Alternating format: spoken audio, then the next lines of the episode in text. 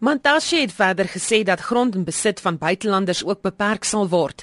Mantashe voer aan dat die ANC die mense van Suid-Afrika beloof het dat hulle die grond wat van hulle weggevat is sal terugkry. Hy voer aan dat die voorstelle die proses sal versnel. If legislation is passed that affects this reality, its application retrospectively is an issue that will have to be tested constitutionally. And therefore we said It should not be the government that wait until somebody else was aggrieved. The government must actually pass the law, test it in the constitution, and see if it passes the colonial prescriptions. So that issue is part of the what is envisaged in terms of beginning more firm in dealing with the land question. Die president van Agri SA, Johannes Moller, sê hierdie voorstel van die ANC is verregaande en maak alle werk wat deur die regering en rolspelers in die verband gedoen is ongedaan. Agri SA is, is uh, ontstel oor die aankondiging van grondplafonne. Die minister van grondsake het het verlede jaar aangekondig en gesê dat hy wil hê die sektor moet meer betrokke raak by grondhervorming. Dit is natuurlik verskil van 'n vroeëre standpunt dat die regering verantwoordelik is vir grondhervorming en die sektor, die landbousektor meer sal betrokke wees by boerontwikkeling. Dit het tot gevolg gehad dat, dat ons sekere planne moes maak en uh, ons het dit aangekondig by ons kongres. Maar die tydraamwerk wat die minister gegee het vir die totale sektor wat nou nie net Agri SA aansluit nie, was Maart verjaar. Nou wat het geword van hierdie uh, tydraamwerk? Het die ANC nou besluit nee, daar moet nou weer 'n streep deur getrek word.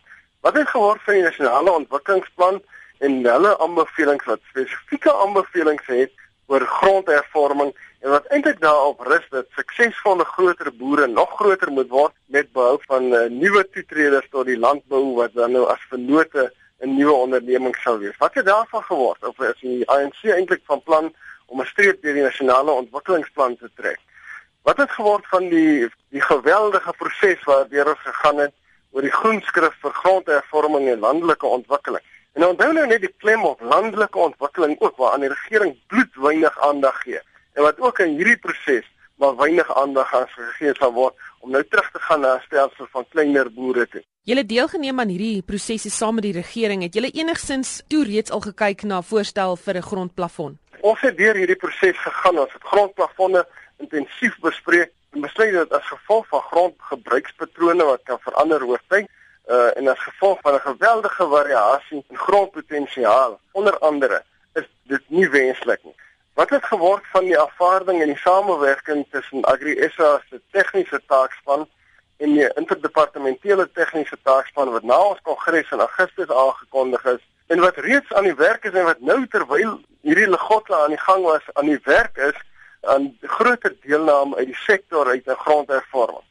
Dit lyk amper asof die party nie heeltemal bewus is van wat die regering reeds mee besig is.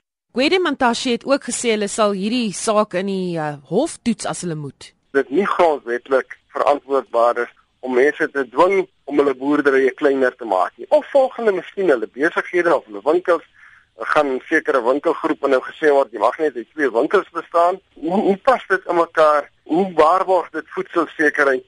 Hoe waarborg dit die instandhouding van die totale landbouwaardeketting? Want dit is nie net primêre landbou wat kos produseer nie.